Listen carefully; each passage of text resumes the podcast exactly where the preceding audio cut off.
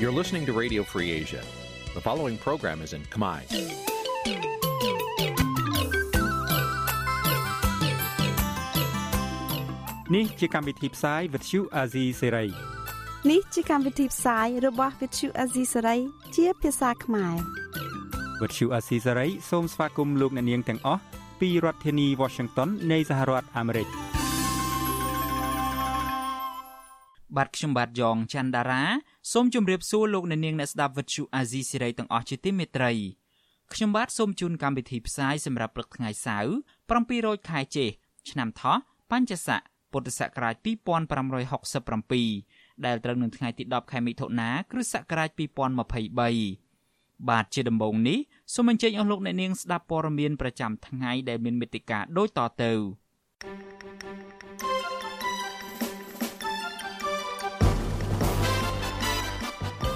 កម្ពុជាមិនទាន់សម្រេចចិត្តចូលរួមក្នុងសម្ពយុទ្ធយោធារួមគ្នា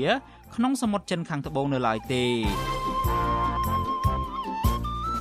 សកម្មជនគណៈបកភ្លើងទៀនម្នាក់ដែលកំពុងជាប់ឃុំ មានបញ្ហាភ្នែកប្រជាពលរដ្ឋចោទអាជ្ញាធរថាការពីមន្ត្រីធ្វើប្លង់រឹងក្នុងព្រៃស្រោងជាង500ហិកតានៅខេត្តស្ទឹងត្រែង ក្រុមកម្មការស្នើគណៈបកនយោបាយដែលចូលរួមការបោះឆ្នោតធានាផ្ដល់ប្រាក់ឈ្នួលសមរម្យដល់កម្មកររួមនឹងព័ត៌មានសំខាន់សំខាន់មួយចំនួនទៀត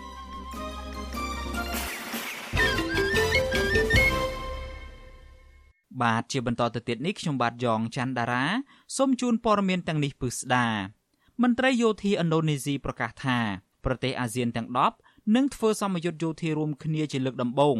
នៅក្នុងសមុទ្រចិនខាងត្បូងនៅឆ្នាំ2023នេះខណៈដែនទឹកមួយនេះកំពុងកើតមានចំនួនរវាងចិន និងប្រទេសសមាជិកអាស៊ានមួយចំនួនក៏ប៉ុន្តែភាគីយោធាកម្ពុជាបានបដិសេធថាកម្ពុជា នៅមិនទាន់សម្រេចចិត្តថានឹងចូលរួមធ្វើសម្ពយុទ្ធយោធានេះនៅឡើយទេ បាទសូមលោកអ្នកនាងស្ដាប់សេចក្តីរាយការណ៍ព័ត៌មាននេះរបស់លោកទីនហ្សាការីយ៉ាដូចតទៅសេចក្តីសម្រេចធ្វើសម្ពយុទ្ធយោធារួមគ្នានេះ ធ្វើឡើងនៅក្នុងកិច្ចប្រជុំអគ្គមេបញ្ជាការកងទ័ពអាស៊ានលើកទី20កាលពីថ្ងៃទី7មិថុនាដែលប្រទេសឥណ្ឌូនេស៊ីជាប្រធានរៀបចំនៅកោះបាលីសម្ពយុទ្ធយោធានេះក្រុងនឹងធ្វើនៅខែកញ្ញាឆ្នាំ2023ខាងមុខនៅសមុទ្រណាថូណាខាងជើង ជាតំបន់ទឹកដែលកំពុងមានចំនួនរវាងឥណ្ឌូនេស៊ីនិងចិននិងជាដែនទឹកមួយដែលស្ថិតនៅភាគខាងត្បូងបំផុតនៃសមុទ្រចិនខាងត្បូងនេះបើតាមការលើកឡើងពីអគ្គមេបញ្ជាការកងទ័ពឥណ្ឌូនេស៊ីលោកយូដូម៉ាហ្គូណូ ដែលបានថ្លែងប្រាប់ទីភ្នាក់ងារសារព័ត៌មានរដ្ឋឥណ្ឌូនេស៊ីមេតបឥណ្ឌូនេស៊ីរំនេះបញ្ជាក់ថាសម្ពយុទ្ធយោធា ដែលមិនរួមបញ្ចូលការហាត់សមសម្រាប់ប្រយុទ្ធនេះធ្វើឡើងដើម្បីពង្រឹងចំហរួមរបស់អាស៊ានទោះជាយ៉ាងណាក៏ដោយអគ្គមេបញ្ជាការដ្ឋាននៃកងយុទ្ធពលខេមរៈភូមិន្ទកម្ពុជាបានចេញសេចក្តីថ្លែងការណ៍កាលពីថ្ងៃទី8មិថុនាបោះស្រាយថានៅក្នុងកិច្ចប្រជុំអគ្គមេបញ្ជាការកងទ័ពអាស៊ានលើកទី20 ពុំបាននិយាយអំពីការសម្រេចធ្វើសមយុទ្ធយោធារួមគ្នារបស់អាស៊ាននោះឡើយហើយនៅក្នុងកិច្ចប្រជុំទ្វេភាគីអគ្គមេបញ្ជាការកងទ័ពឥណ្ឌូនេស៊ីគ្រាន់តែស្នើសុំយោបល់ពីអគ្គមេបញ្ជាការកងយុទ្ធពលខេមរៈភូមិន្ទកម្ពុជាលោកវងពិសេនលោកវងពិសេនឆ្លើយតបថានឹងចាត់តាំងក្រុមការងារសិក្សាធ្វើសមយុទ្ធនេះនៅពេលទទួលបានលិខិតអញ្ជើញពីឥណ្ឌូនេស៊ីហើយក្រោយបញ្ចប់ការសិក្សានឹងស្នើសុំគោលការណ៍ពីក្រសួងការពារជាតិសេចក្តីថ្លែងការណ៍របស់កងយុទ្ធពលខេមរៈភូមិន្ទកម្ពុជាបញ្ជាក់ថា ក្រោយពេលបញ្ចប់កិច្ចប្រជុំអគ្គមេបញ្ជាការកងទ័ពឥណ្ឌូនេស៊ីដែលជាប្រធានកិច្ចប្រជុំបដូវេនបានលើកឡើងពីគោលគំនិតរបស់អគ្គមេបញ្ជាការកងទ័ពឥណ្ឌូនេស៊ីដើម្បីធ្វើសមយុទ្ធយោធារួមនៅសមុទ្រចិនខាងត្បូងហើយបានសុំយោបល់ពីអគ្គមេបញ្ជាការកងទ័ពទាំង9ប្រទេសក្នុងនោះអគ្គមេបញ្ជាការនៃកងយុទ្ធពលខេមរៈភូមិន្ទរួមទាំងអគ្គមេបញ្ជាការនៃប្រទេសជាច្រើនទៀតមិនបានឆ្លើយតបការចេញសេចក្តីថ្លែងការណ៍មកអះអាងរបស់ភាគីកម្ពុជាបែបនេះ នៅស្របពេលដែលប្រទេសចិនបន្តទាមទារគ្រប់គ្រងសមុទ្រចិនខាងត្បូងស្ទើរតែទាំងស្រុងរួមទាំងដែនទឹកក្នុងតំបន់របស់កោះតៃវ៉ាន់និងប្រទេសជាសមាជិកអាស៊ានមួយចំនួនរួមមានប្រទេសប្រ៊ុយណេម៉ាឡេស៊ីហ្វីលីពីននិងវៀតណាមនិងទាមទារតំបន់នៅជុំវិញសមុទ្រណាថូណារបស់ឥណ្ឌូនេស៊ីតើតើនឹងបញ្ហានេះវិទ្យុអាស៊ីសេរីមិនអាចតកតងអ្នកនាំពាក្យក្រសួងការពារជាតិលោកឈុំសុជាតិ និងប្រធានអង្គភិបអ្នកនាំពាក្យរដ្ឋាភិបាលលោកផៃសិផានដើម្បីសំសួរអំពីបញ្ហានេះបន្ថែមបានទេកាលពីថ្ងៃទី9មិថុនាទោះជាយ៉ាងនេះក្តីបញ្ហាសមុទ្រចិនខាងត្បូងបានក្លាយជារឿងដ៏ចម្រូងចម្រាសនៅក្នុងចំណោមប្រទេសជាសមាជិកអាស៊ានអស់រយៈពេលជាយូរឆ្នាំមកហើយកម្ពុជាកំពុងរងការរិះគន់ពីសហគមន៍អន្តរជាតិថាបានលំអៀងទៅចិនលោកហ៊ុនសែនធ្លាប់ធ្វើជាប្រធានអាស៊ានកាលពីឆ្នាំ2012នោះលោកបានរៀបរៀងការចេញសេចក្តីថ្លែងការណ៍រួមរបស់អាស៊ាន ដែលចង់ចាត់ទុកបញ្ហាចំនួនសមុទ្រចិនខាងត្បូងជាបញ្ហាអន្តរជាតិក្រោយមកទៀតកម្ពុជាក៏បដិសេធបណ្ដាប្រទេសជាសមាជិកអាស៊ានមួយចំនួនដែលចង់ឲ្យអាស៊ានរួមគ្នាដាក់បញ្ចូលខ្លឹមសារនៃសាលក្រមតុលាការក្រុងឡាអេដែលសម្រេចប្រឆាំងចិនជំវិញចំនួនសមុទ្រចិនខាងត្បូងចូលទៅក្នុងសេចក្តីថ្លែងការណ៍រួមរបស់ខ្លួនដែររដ្ឋាភិបាលកម្ពុជាបានបកស្រាយថាគោលចំហរបស់ខ្លួនគឺចូលលើគោលការណ៍កោសង្ស៊ីរបស់អាស៊ានដែលបានព្រមព្រៀងគ្នាថា នឹងមិនលើកយកចំនួនសមុទ្រចិនខាងត្បូងទៅដោះស្រាយជាកម្រិតថ្នាក់អន្តរជាតិទេតែទៅនឹងបញ្ហានេះមន្ត្រីរដ្ឋាភិបាលកម្ពុជាបញ្ជាក់ទៀតថាកម្ពុជានៅតែប្រកាន់យកគោលនយោបាយការបរទេសអព្យាក្រឹតហើយចាត់ទុកចំនួននៅសមុទ្រចិនខាងត្បូងគឺជាចំនួនទ្វេភាគីរវាងប្រទេសនិងប្រទេសមិនមែនជាចំនួនរវាងចិននិងអាស៊ានឡើយនិវិភាននយោបាយបណ្ឌិតសេនស៊ូរីមើលឃើញថាអាស៊ានហាក់ត្រូវបានប្រើប្រាស់ដោយមហាអំណាចណាមួយជាពិសេសមហាអំណាចលោកខាងលិច ដើម្បីឲ្យប្រឈមនឹងមហាអំណាចចិនដែលលោកលើកឡើងថាការធ្វើសម្ពយុទ្ធយោធារួមគ្នារបស់អាស៊ាននៅសមុទ្រចិនខាងត្បូងនៃព្រឹកខាងមុខនេះមិនមែនជាជំរើសល្អមួយឡើយពីព្រោះនឹងធ្វើឲ្យកុម្មុយនីសចិនខឹងសម្បាខ្ញុំគិតថាអាស៊ានការធ្វើសម្ពយុទ្ធយោធាដើម្បីរៀបចំឲ្យសមាជិកអាស៊ានចូលរួមឲ្យបានសប្បាយចិត្តទាំងអស់គ្នាហើយក្នុងចេតនាដើម្បីពង្រឹងសមត្ថភាពកងទ័ពនោះគឺការរៀបចំធ្វើសម្ពយុទ្ធយោធានៅក្នុងតំបន់សមុទ្រចិនត្បូងនេះមិនមែនជា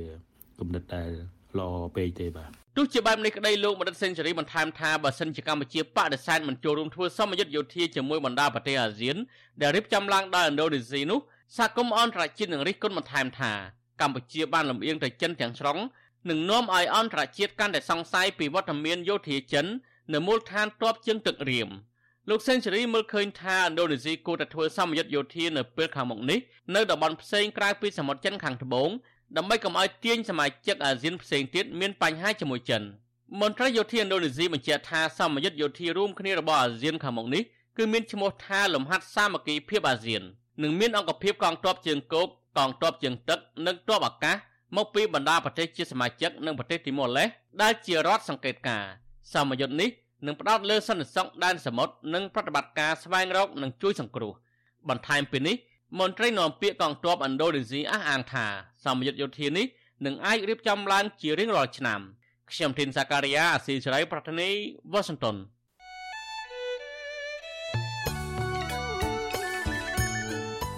លោកអ្នកនាងជាទីមេត្រីវិទ្យុអាស៊ីសេរីចាប់ផ្ដើមដំណើរការផ្សាយផ្ទាល់កម្មវិធីព័ត៌មានទាំងពេលព្រឹកនិងពេលយប់ជាផ្លូវការនៅលើបណ្ដាញសង្គមថ្មីមួយទៀតគឺបណ្ដាញសង្គម Telegram ចាប់ពីខែមេសាឆ្នាំ2023នេះតទៅលោកអ្នកនាងអាចស្វែងរក Telegram ផ្លូវការរបស់ Vuthu Azizi Siri ដោយស្វែងរកពាក្យថា Vuthu Azizi Siri ឬក៏ RFA ខ្មែរនៅលើទូរស័ព្ទដៃរបស់លោកអ្នកនាង បាទ Telegram ផ្លូវការរបស់ Vuthu Azizi Siri មានសញ្ញា Tick ជាសញ្ញាសម្គាល់បាទក្រុមការងាររបស់ Vuthu Azizi Siri នឹងព្យាយាមរិះរកមធ្យោបាយថ្មីៗបន្ថែមទៀតដើម្បី ផ្ដល់ភាពងាយស្រួលដល់លោកអ្នកនាងកញ្ញានៅក្នុងការស្ដាប់និងទស្សនាការផ្សាយព័ត៌មានរបស់យើង បាទសូមអរគុណ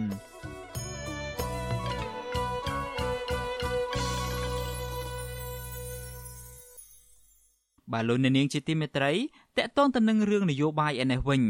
មន្ត្រីអង្គការសង្គមស៊ីវិលជំរុញទៅលោកនាយរដ្ឋមន្ត្រីហ៊ុនសែនគួរកំយកអ្នកនយោបាយដែលមានទស្សនៈផ្ទុយពីខ្លួនធ្វើជាសត្រូវ និងគួរទុកផ្លូវឲ្យដល់អ្នកទាំងនោះដើម្បីពួកគេបានបម្រើជាតិផងបាទការអំពាវនាវបែបនេះធ្វើឡើងក្រោយពីលោកហ៊ុនសែនបានប្រកាសដាក់ទោសបានអ្នកណាហ៊ានភ្ជាប់ខ្លួនជាមួយនឹងលោកសំរងស៊ី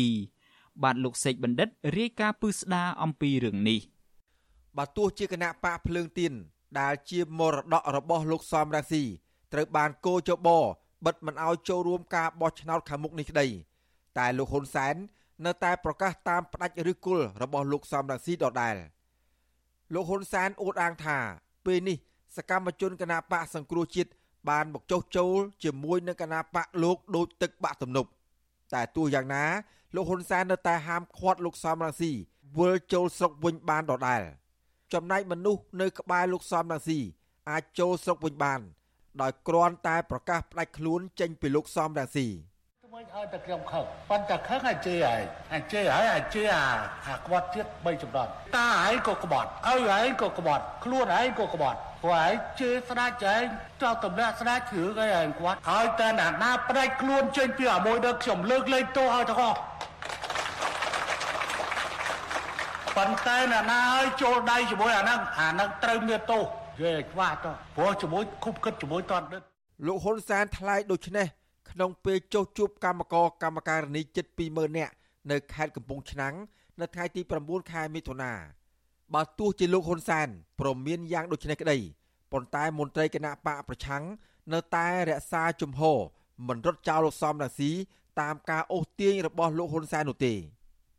មន្ត្រីជាន់ខ្ពស់គណៈបកសង្គ្រោះជាតិប្រចាំខេត្តកំពង់ឆ្នាំងគឺលោកឌួងចន្ទ្រាដែលកំពុងភៀសខ្លួននៅក្នុងប្រទេសថៃយល់ថា សាររបស់លោកហ៊ុនសែនដែលមានទាំងការលួងលោមផងគំរាមផងយ៉ាងដូចនេះព្រោះលោកហ៊ុនសែនខ្លាចកម្លាំងសំរងស៊ីនិយមលោកបន្តទៀតថាបើទោះជាលោកសំរងស៊ីมันអាចជន់ដីខ្មែរជាច្រើនឆ្នាំមកនេះហើយក្តី តែមេបកប្រឆាំងរូបនេះ នៅតែមានកម្លាំងនយោបាយពេញផ្ទៃប្រទេស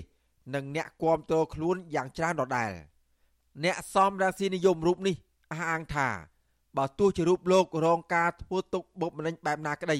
តែលោកនៅតែបន្តដើរតាមមាគ៌ានយោបាយរបស់លោកសំរងស៊ីដដែល។ការតស៊ូនិងការផ្លាស់ប្ដូរទៅតាមផ្នត់គំនិតរបស់ប្រជាប្រដ្ឋខ្មែរដែលចង់បានសេរីភាពចង់បានរស់នៅសមរម្យចង់បានសេដ្ឋកិច្ចស្មើមុខស្មើមាត់នឹងប្រជាជាតិខាងនោះគឺគេមិនដើរតាមលហ៊ុនសែនទេគឺរងចាំឱកាសណាមួយនឹងងើបឡើងដើម្បីតស៊ូធ្វើការផ្លាស់ប្ដូររបបប្រជានេះឲ្យបានបើទោះជារបបក្រុងភ្នំពេញ បិទមិនឲ្យគណៈបកភ្លើងទៀនអាចចូលរួមការបោះឆ្នោតជាតិនាពេលខាងមុខបានក្តី តែលោកហ៊ុនសែនហាក់មានការភ័យខ្លាចនៅចរន្តគាំទ្រឬឥទ្ធិពលលោកសំរាំងស៊ីលោកហ៊ុនសែនថែមទាំងប្រកាសបាញ់សម្លាប់លោកសំរាំងស៊ីដោយកំភ្លើងធំ BM21 បើលោកសំរាំងស៊ីហ៊ានវិលចូលស្រុកវិញប្រធានអង្គការសម្ព័ន្ធភាពការពារសិទ្ធិមនុស្សកម្ពុជាហៅកាត់ថាច្រាក់លោករស់សុថាយល់ថា គុណវិបត្តិនៃការធ្វើទុកបុកម្នេញលើអ្នកនយោបាយបកប្រឆាំងឬអ្នកសំរាំងស៊ីនិយមនឹងធ្វើឲ្យប្រទេសកម្ពុជា បាត់បង់ធនធានមនុស្សដែលចេះគិតគូរអំពីបញ្ហាប្រទេសជាតិលោកចង់ឃើញលោកហ៊ុនសែនគួរផ្ដល់ផ្លូវដើរដល់អ្នកនយោបាយដែលមានទស្សនៈផ្ទុយពីលោក ដើម្បីប្រយោជន៍ទៅថ្ងៃមុខអ្នកក្លាហានពិតប្រាកដគេវាយ គេវាយគេប្រោះអញ្ចឹងណាគេមិនវាយហើយគេសម្លាប់ចោលទេបិទមិនឲ្យគ្នាមានដង្ហើមរស់ទេអាហ្នឹងគឺក្នុងអរិយធម៌ខ្មែរយើងអ្នកដែលធ្វើជាអ្នកក្លាហានត្រូវប្រកាន់គោលការណ៍នេះឯងបាទគេសំដៅទៅលើមេដឹកនាំខ្មែរហើយនិងអ្នកដែលហាត់នៅក្បាច់គុណឬក៏រៀនសិលសាស្ត្រឯងត្រូវមានគោលការណ៍ហ្នឹងបងណាបាទលោកសំរងស៊ីនិងបកពួកកំពុងខ្លាចជាក្រុមគោលដៅទី2បន្ទាប់ពីរបបខ្មែរក្រហម ដែលលោកហ៊ុនសែនប្រកាសតាមកំចាត់ នៅរដូវកាលបោះឆ្នោតនេះគណៈបកកណ្ដាលអំណាច បានធ្វើទុកបុកម្នេញលើសកម្មជនបកប្រឆាំងដែលនៅតែស្មោះស្ម័គ្រជាមួយលោកសំរាស៊ីទន្ទឹមគ្នានេះដែរគណៈបកប្រជាជនកម្ពុជាក៏ប្រមូលទិញសកម្មជនបកប្រឆាំងឬអ្នកគាំទ្រគណៈបកសង្គ្រោះជាតិឲ្យតែសរសេរសារផ្ដាច់ខ្លួនពីបកប្រឆាំងទោះតាមបណ្ដាញសង្គម Facebook ក្តីហើយប្រកាសចោះចូលជាមួយគណៈបកកណ្ដាលអំណាចគឺគណៈបកនេះ នឹងរៀបចំពិធីបញ្ចូលជាសមាជិកនិងមានការផ្ដល់លុយកាក់និងទូនាទីក្នុងស្ថាប័នរដ្ឋជាដើមដល់អ្នកផ្ដាច់ខ្លួនទាំងនោះខ្ញុំបាទសេកបណ្ឌិតវុទ្ធុអាស៊ីសេរីពីរដ្ឋធានីវ៉ាស៊ីនតោនអាស៊ីសេរីលោកអ្នកនាងជាទីមេត្រី នៅសល់តែ44ថ្ងៃទៀតទេ ការបោះឆ្នោតនឹងឈានចូលមកដល់ហើយបាទពេលចូលទៅគូសញ្ញលឹកឆ្នោតគ្មានអ្នកណាម្នាក់ ដឹងថាលោកអ្នកនាងបោះឆ្នោតឲ្យគណៈបកណានោះឡើយម្យ៉ាងវិញទៀតការបោះឆ្នោតគឺជាសិទ្ធិនៅក្នុងការសម្រេចចិត្តរបស់លោកអ្នកតែម្នាក់ឯងគត់គ្មានជនណាឬអាជ្ញាធរណាអាចបង្ខិតបង្ខំលោកអ្នកនាងបាននោះទេ បាទសូមអរគុណ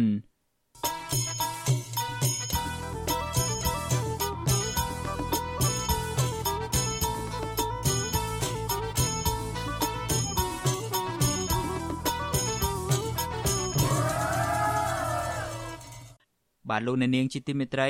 ពាក់ព័ន្ធទៅនឹងរឿងការធ្វើទុកបុកម្នេញផ្នែកនយោបាយវិញ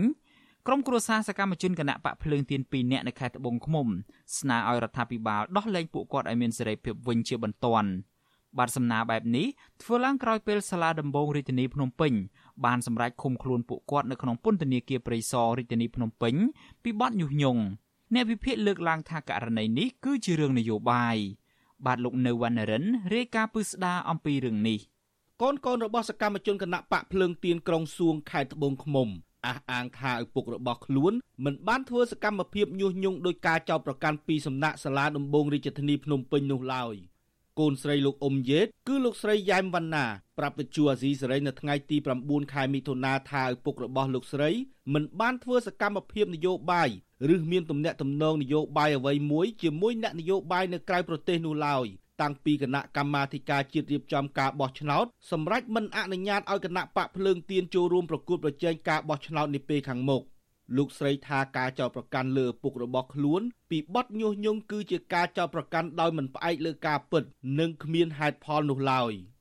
សំណូមពរទៅខាងរដ្ឋាភិបាលសូមមេត្តាដោះលែងប៉ាខ្ញុំឲ្យមានសេរីភាពឡើងវិញឬក៏ដាក់គាត់នៅក្រៅឃុំដោយសារតកតងនឹងសុខភាពរបស់គាត់ខ្សោយខ្លាំងមែនទែនហើយណាមួយអាយុរបស់គាត់ក៏កាន់តែច្រើនដែរកម្លាំងមានសមត្ថកិច្ចក្រុងសួងខេត្តត្បូងឃ្មុំ5នាក់បានចោះចាប់ខ្លួនសមាជិកគណៈកម្មាការប្រតិបត្តិក្រុងសួងនៃគណៈបកភ្លើងទៀន2នាក់គឺលោកអ៊ុំយេត និងលោកសៀងហានកាលពីថ្ងៃទី8ខែមិថុនា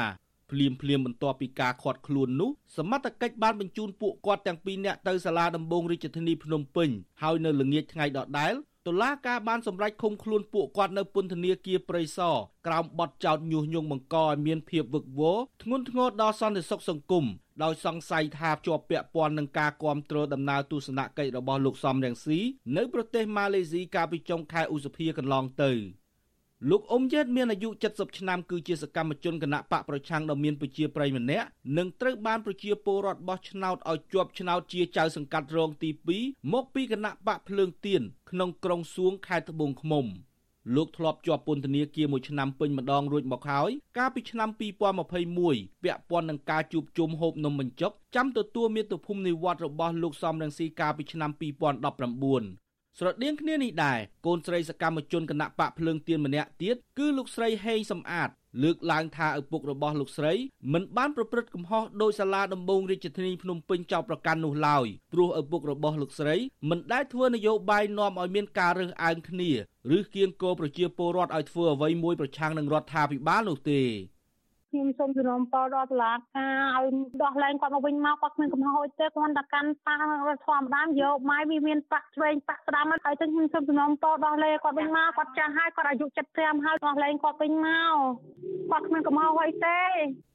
ជុំវិញរឿងនេះអ្នកស្រាវជ្រាវការអភិវឌ្ឍសង្គមលោកបណ្ឌិតសេងសេរីយល់ឃើញថាករណីនេះគឺជារឿងនយោបាយលោកបន្តថាការធ្វើនយោបាយដើម្បីយកតែឈ្នះចិត្តរៀងរៀងខ្លួនមិនត្រឹមតែធ្វើឲ្យអ្នកនយោបាយថ្នាក់ក្រោមរងគ្រោះតែប៉ុណ្ណោះទេក៏ប៉ុន្តែអាចធ្វើឲ្យប្រជាពលរដ្ឋទូទាំងប្រទេសរងគ្រោះដោយសារវិបត្តិសេដ្ឋកិច្ចដែលបណ្ដាលមកពីការបាត់បង់ប្រព័ន្ធអនុគ្រោះពន្ធពីសហភាពអឺរ៉ុបនិងសហរដ្ឋអាមេរិកផងដែរ។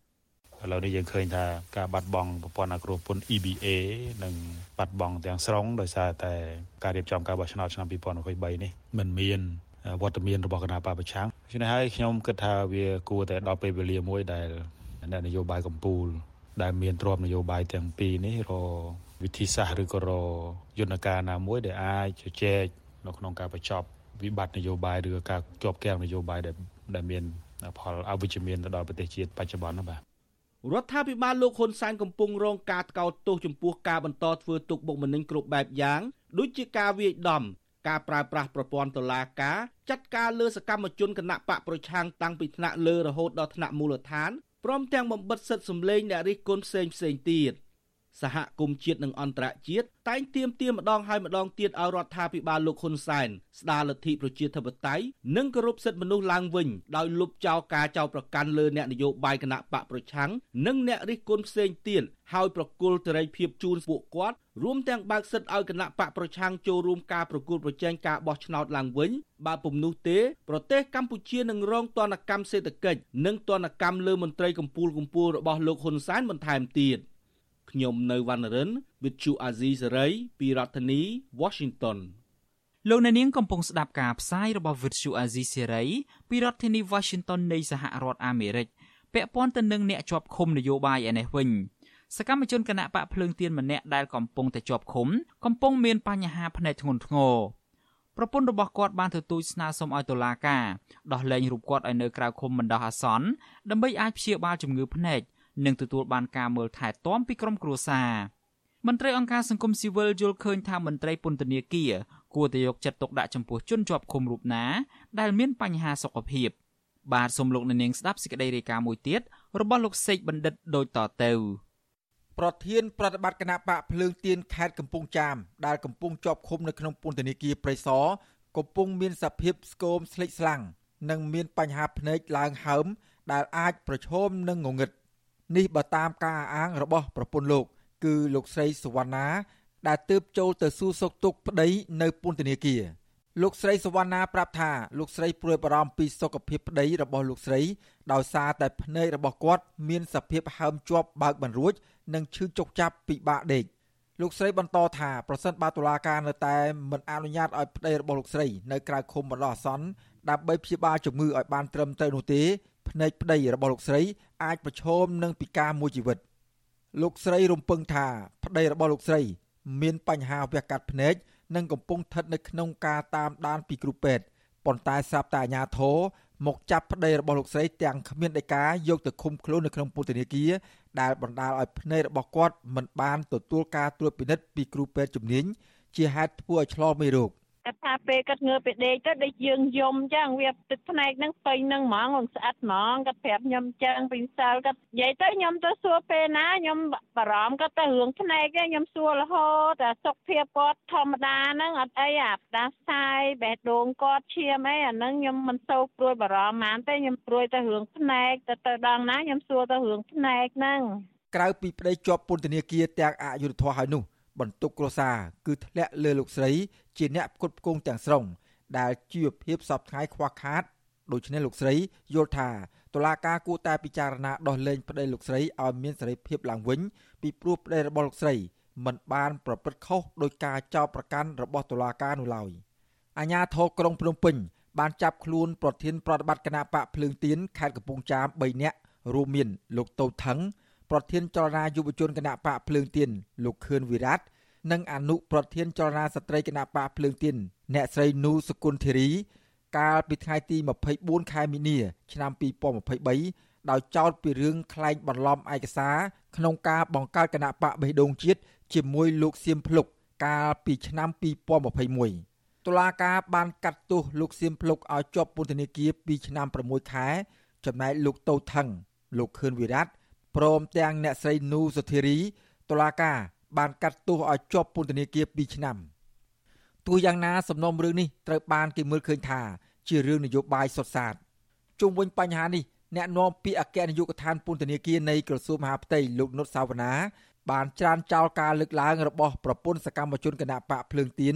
ថាគឺជារឿងមិនពិតពីព្រោះលោកតូថងពុំមានបញ្ហាភ្នែកឡើយ។ អត់ទាំងមានបញ្ហាអីប្រងឲ្យមកលើកឡើងចាអញ្ចឹងគាត់ថាយកហេតុផលអញ្ចឹងគេធម្មតាគេមិនដែលទុកឲ្យមនុស្សឈឺរហូតដល់ស្លាប់ទេបើគាត់លើកឡើងមិនពិតទេអាហ្នឹងឲ្យខ្ញុំដោះស្រាយយ៉ាងម៉េចខ្ញុំទៅពិនិត្យអីហើយវាកន្លងមកវាមិនមែនដូចការលើកឡើងនឹងផងទុយពីការលើកឡើងរបស់លោកនុតសាវណ្ណាលោកសីសវណ្ណា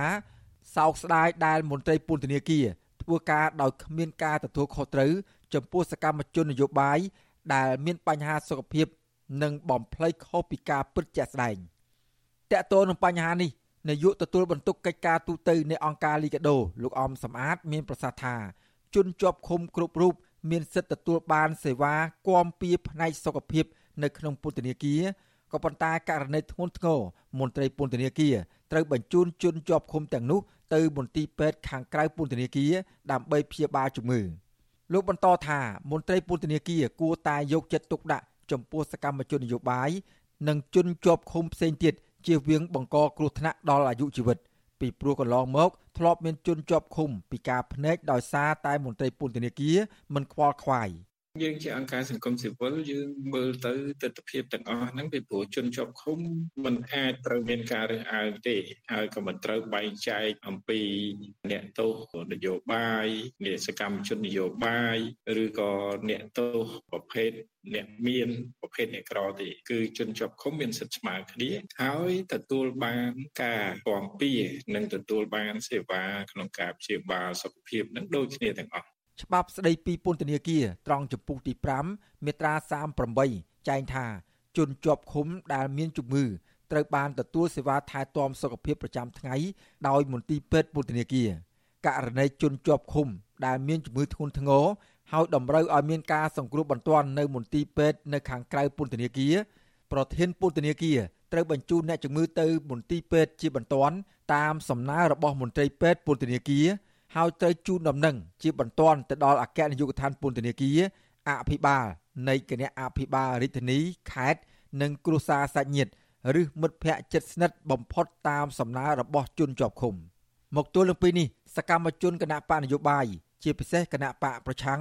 រងការធ្វើទុកបុកម្នេញការគំរាមកំហែង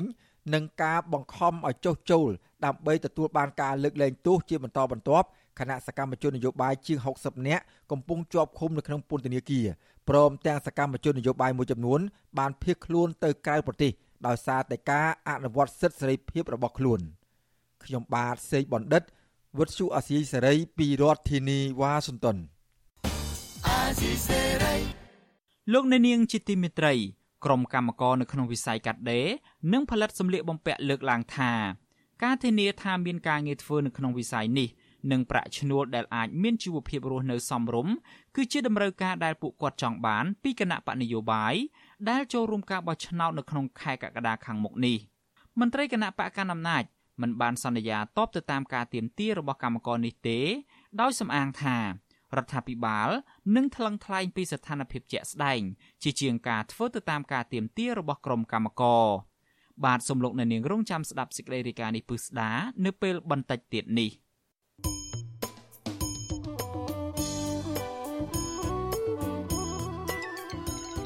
លោកអ្នកនាងជាទីមេត្រីដំណើរគ្នានឹងស្ដាប់ការផ្សាយរបស់ Vuthu Azizi Serai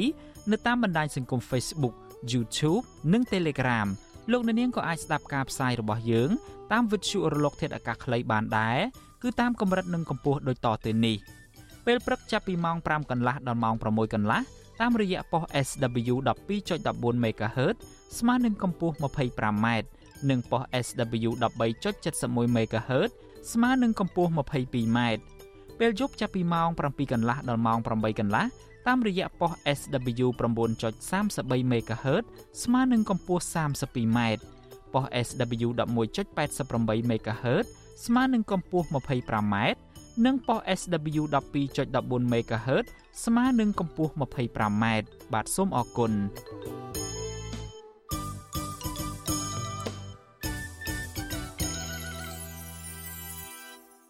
បាទលោកនាងជាទីមេត្រីយើងងាកមកចាប់អារម្មណ៍ពាក់ព័ន្ធទៅនឹងរឿងការរឹបអូសយកផ្ទះឯនេះវិញមន្ត្រីអង្គការសង្គមស៊ីវិលជំរុញឲ្យរដ្ឋាភិបាលដាក់ចេញនូវវិធានការជាក់លាក់ដើម្បីដោះស្រាយបញ្ហាម្ចាស់បរិយរឹបអូសផ្ទះអ្នកបងរំលោះឲ្យមានប្រសិទ្ធភាពខណៈវិបត្តិសេដ្ឋកិច្ចទាញឲ្យពលរដ្ឋខ្មែរជាប់បំណុលវ័នកបាទសំណើបែបនេះធ្វើឡើងបន្ទាប់ពីប្រជាពលរដ្ឋមួយចំនួនដែលទិញផ្ទះបងរំលោះត្រូវបានឈ្មួញរកស៊ីអចលនទ្រព្យ រឹបអូសយកផ្ទះរបស់ពួកគេវិញជាបន្តបន្ទាប់ក្រោយពេលពួកគេគ្មានលទ្ធភាពបង់ប្រាក់ទៅតាមពេលវេលាកំណត់អង្គការសង្គមស៊ីវិលពិនិត្យឃើញថាបច្ចុប្បន្ននេះប្រជាពលរដ្ឋប្រឈមទៅនឹងការបាត់បង់ដីធ្លីនិងផ្ទះសម្បែងដែលរដ្ឋាភិបាលត្រូវដាក់ចេញវិធានការដោះស្រាយឲ្យបានទាន់ពេលវេលាស្របពេលវិបត្តិសេដ្ឋកិច្ចនិងបំណុលឈានទៅដល់ចំណុចធ្ងន់ធ្ងរដែលគួរឲ្យព្រួយបារម្ភអ្នកសម្របសម្រួលគម្រោងធុរកិច្ចនិងសិទ្ធិមនុស្សនៃមជ្ឈមណ្ឌលសិទ្ធិមនុស្សកម្ពុជា លោកវ៉ាន់សុផាត មានប្រសាសន៍ថា កន្លងទៅ ម្ចាស់បំណុលឬក៏ម្ចាស់បរិយលក់ផ្ទះមិនសូវយោគយល់ដល់អតិថិជននោះទេ ក្រៅពីវិធីដាក់សម្ពាធរឹបអូសយកទ្រព្យសម្បត្តិពីប្រជាពលរដ្ឋគណៈម្ចាស់អចលនទ្រព្យដែលជាអង្គញាខ្លះបានខ្សែធនជាបន្តបន្ទាប់លោកបន្តថាវិបត្តិសេដ្ឋកិច្ចនៅកម្ពុជាសប្តាហ៍ថ្ងៃនេះបណ្ដាលមកពីរងផលប៉ះពាល់ពីឥទ្ធិពលនៃជំងឺរាតត្បាត COVID-19 ដែលបានធ្វើឲ្យប្រជាពលរដ្ឋពិបាករកប្រាក់ចំណូលសម្រាប់ផ្គត់ផ្គង់គ្រួសារនិងសងបំណុលដែលគម្រាមកំហែងទៅដល់ទ្រព្យសម្បត្តិដីស្រែនិងផ្ទះសម្បែងរបស់ពួកគាត់ដល់លេខកូនរំដលហ្នឹងចង់បញ្ចប់គឺបណ្ដឹងហ្នឹងគឺថាករណីហ្នឹងត្រូវបញ្ជូនទៅតុលាការហើយបើតុលាការមិនបានយល់ពីស្ថានភាពទេហើយលោកកាត់ទៅតាមអដែងកុងត្រាទៅតាមអដែងកិច្ចសន្យាហ្នឹងដោយអត់មានការស៊ើបអង្កេតពីស្ថានភាពជាក់ស្ដែងអីទេ ពីជីវភាពរបស់គោលបំណុលនេះនឹងច្បាស់លាស់ទេអាហ្នឹងគឺថាអនុវត្តតាមនីតិវិធីវាត្រូវតែរឹបអូសត្រូវតែបកកទ្រព្យសម្បត្តិឬមួយក៏រឹបអូសផ្ទះសម្បែងរបស់ប្រជាពលរដ្ឋកន្លងមកគឺមានជាបណ្ដាបណ្ដាហើយមានខ្លះស្រែកជុំនឹងថារោទេវតាណាជួយទេណាបាទព្រោះអស់ដីអស់ផ្ទះហើយយើងរស់ទោះបីយ៉ាងម៉េចក៏ដោយអត់តែមានដីមានផ្ទះទៅយើងគ្រាន់បើតិចតែបើសិនជាខ្វះប្រាក់ចំណូលហើយអត់ដីអត់ផ្ទះនៅទៀតអាហ្នឹងគឺថានឹងคล้ายទៅជាស្អីហ្នឹងការលើកឡើងដូចនេះរបស់មន្ត្រីអង្គការសង្គមស៊ីវិល គឺបន្ទាប់ពីអ្នកតែងផ្ទះបងរំលោះជាច្រើនអ្នកបានបង្ហោះរូបថតអមដោយសារបង្ហាញអារម្មណ៍ឈឺចាប់នៅលើបណ្ដាញសង្គម Facebook ជុំវិញករណីម្ចាស់បរិយាមួយចំនួន បានរឹបអូសនិងកំណត់ពេលឲ្យពួកគេរុះរើអីវ៉ាន់ចេញពីផ្ទះបន្ទាប់ពីពួកគេខកខានបង់ប្រាក់ទៅតាមថ្ងៃកំណត់ដោយសារគ្រួសារជួបវិបត្តិសេដ្ឋកិច្ចទន្ទឹមទៅនឹងការរឹបអូសយកផ្ទះមកវិញនេះម្ចាស់ក្រុមហ៊ុនបូរីមិនបានផ្ដល់ប្រាក់ដើមឲ្យអតិថិជនសូម្បីតែ100រៀលនោះទេ បើទោះបីជាអ្នកខ្លះបានបង់ទាំងប្រាក់ដើមនិងការអស់រាប់ម៉ឺនដុល្លារក្នុងរយៈពេលពី4ទៅ6ឆ្នាំក៏ដោយជុំវិញរឿងនេះលោកនាយរដ្ឋមន្ត្រីហ៊ុនសែនបានស្នើដល់ម្ចាស់បរិយទាំងអស់ឲ្យយោគយល់ដល់អ្នកដែលបានទិញផ្ទះបង់រំលោះដោយសារតែជួបបញ្ហាប្រាក់ចំណូលនាំឲ្យគ្មានលទ្ធភាពបង់ប្រាក់សងទៅតាមកិច្ចសន្យាកំណត់លោកបញ្ជាក់ថាបើបណ្ដោយឲ្យម្ចាស់បរិយរឹបអូសផ្ទះពីអ្នកបងរំលោះណាមួយនោះនឹងធ្វើឲ្យប្រជាពលរដ្ឋរងការឈឺចាប់ ហើយសេដ្ឋកិច្ចកម្ពុជានឹងដើរដល់ដំណាក់កាលគ្រោះថ្នាក់អ្នកដែលមិនតាន់បានរឹបអូសក៏មិនទៅមានការរឹបអូសតទៅទៀតតាមរយៈការរៀបចំអន្តរជាតិឡើងវិញពន្យារយៈពេលសងបងកាត់បន្ថយនៅចំនួនប្រាក់ដែលត្រូវបង់ប្រចាំខែដូចជាពី500មកដល់300ពន្យាពី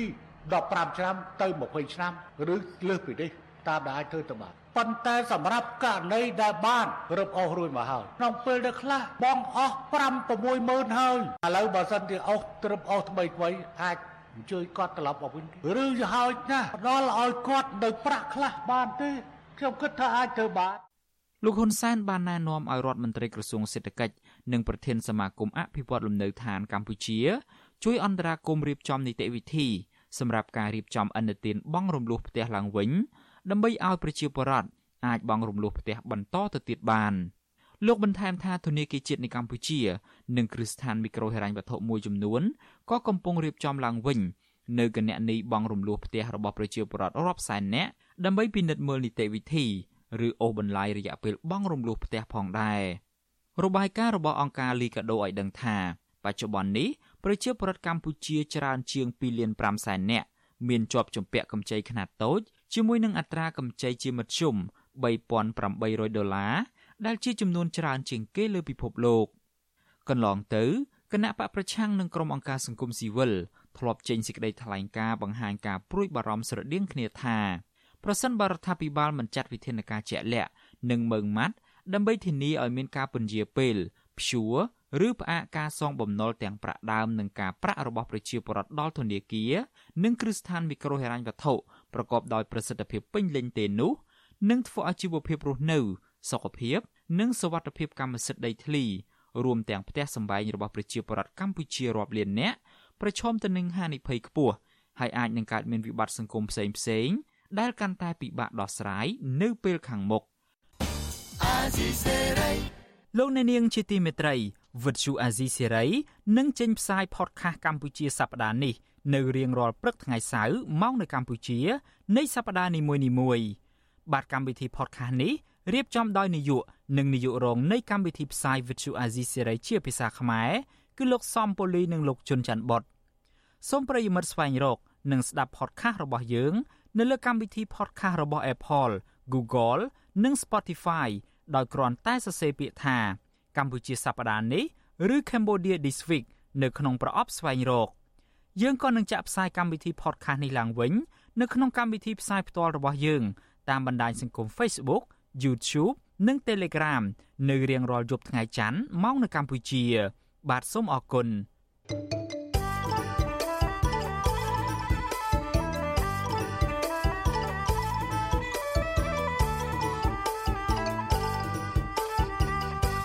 បាទលោកអ្នកនាងជាទីមេត្រីយើងងាកមកចាប់អារម្មណ៍ពាក់ព័ន្ធទៅនឹងរឿងបញ្ហាសន្តិសុខនៅមូលដ្ឋានវិញក្រសួងមហាផ្ទៃកំពុងរៀបចំសេចក្តីព្រាងស្តីពីការបង្កើតចលនាប្រជាការពារភូមិឬក៏ឆ្មាំភូមិជាផ្លូវការសេចក្តីព្រាងនេះត្រូវបានដាក់ឲ្យមន្ត្រីជាន់ខ្ពស់ក្រសួងមហាផ្ទៃនិងអ្នកពាក់ព័ន្ធពិនិត្យនិងផ្ដល់យោបល់ទៅតាមកិច្ចប្រជុំធំមួយដែលរួមមានលោកសខេងរដ្ឋមន្ត្រីក្រសួងមហាផ្ទៃចូលរួមកាលពីថ្ងៃទី6ខែមិថុនា លោកសខេងមានប្រសាសន៍ថាភូមិជាច្រើនបានពង្រាយកម្លាំងសន្តិសុខចាប់តាំងពីឆ្នាំ1999បន្ទាប់ពីរំលាយអង្គការចាត់តាំងខ្មែរក្រហមលោកថាឆ្មាំភូមិសហការជាមួយកម្លាំងនគរបាលមូលដ្ឋាន ដើម្បីការពារសន្តិសុខនិងសន្តិភាពសាធារណៈសេចក្តីព្រៀងបញ្ជាក់ទៀតថាចលនាប្រជាការពារពុំមែនជាអង្គការចាត់តាំងរបស់កម្លាំងប្រដាប់អាវុធឬអង្គការចាត់តាំងណាមួយដែលមានរចនាសម្ព័ន្ធត្រឹមត្រូវនិងមិនមានកំណត់ក្របខ័ណ្ឌ ឬឯកសណ្ឋានជាក់លាក់ជាកងកម្លាំងឯកភាពនោះទេការចងក្រងកម្លាំងប្រជាការពារគឺអាស្រ័យទៅតាមឆន្ទៈរបស់អ្នកចូលរួមដោយស្ម័គ្រចិត្តនិងពុំមានប្រាក់ខែនោះទេមន្ត្រីសង្គមស៊ីវិលមើលឃើញថាសកម្មភាពជាក់ស្ដែងកន្លងទៅឆ្មាំភូមិនេះមិនសូវគិតគូរការពារសន្តិសុខជូនប្រជាពលរដ្ឋក្នុងសហគមន៍នោះទេប៉ុន្តែភ្នាក់ច្រើនក្រុមនេះច្រើនតែសមត្ថកិច្ចប្រើប្រាស់ជាឧបករណ៍ឲ្យទៅបង្ក្រាបដោយហិង្សាទៅលើក្រុមបាតុករដែលប្រមូលផ្ដុំគ្នា ទាមទារអ្វីមួយដោយសន្តិវិធីលើសពីនេះទៅទៀតពួកគេក៏បានចូលរួមយ៉ាងសកម្មណាស់ដែរនៅក្នុងការប្រយុទ្ធប្រឆាំងនឹងចលនាតស៊ូមតិរបស់ប្រជាពលរដ្ឋនិងគណៈបកប្រឆាំងដែលរដ្ឋាភិបាលចោទថាជាក្រុមបដិវត្តពណ៌ចង់ផ្ដួលរំលំរដ្ឋាភិបាល ដើម្បីចង់រក្សាសន្តិសុខសង្គមជាដើម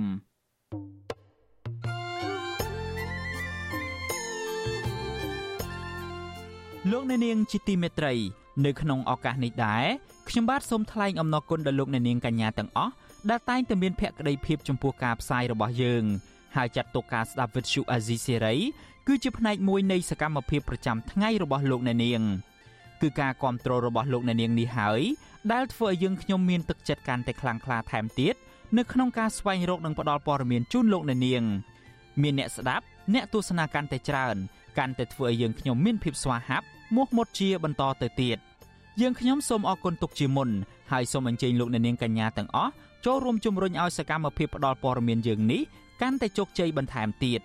លោកអ្នកនាងអាចជួយយើងខ្ញុំបានដោយគ្រាន់តែចុចចែករំលែកឬមួយក៏ Share ការផ្សាយរបស់យើងនៅលើបណ្ដាញសង្គម Facebook និង YouTube ទៅកាន់មិត្តភ័ក្តិដើម្បីឲ្យការផ្សាយរបស់យើងបានទៅដល់មនុស្សកាន់តែច្រើន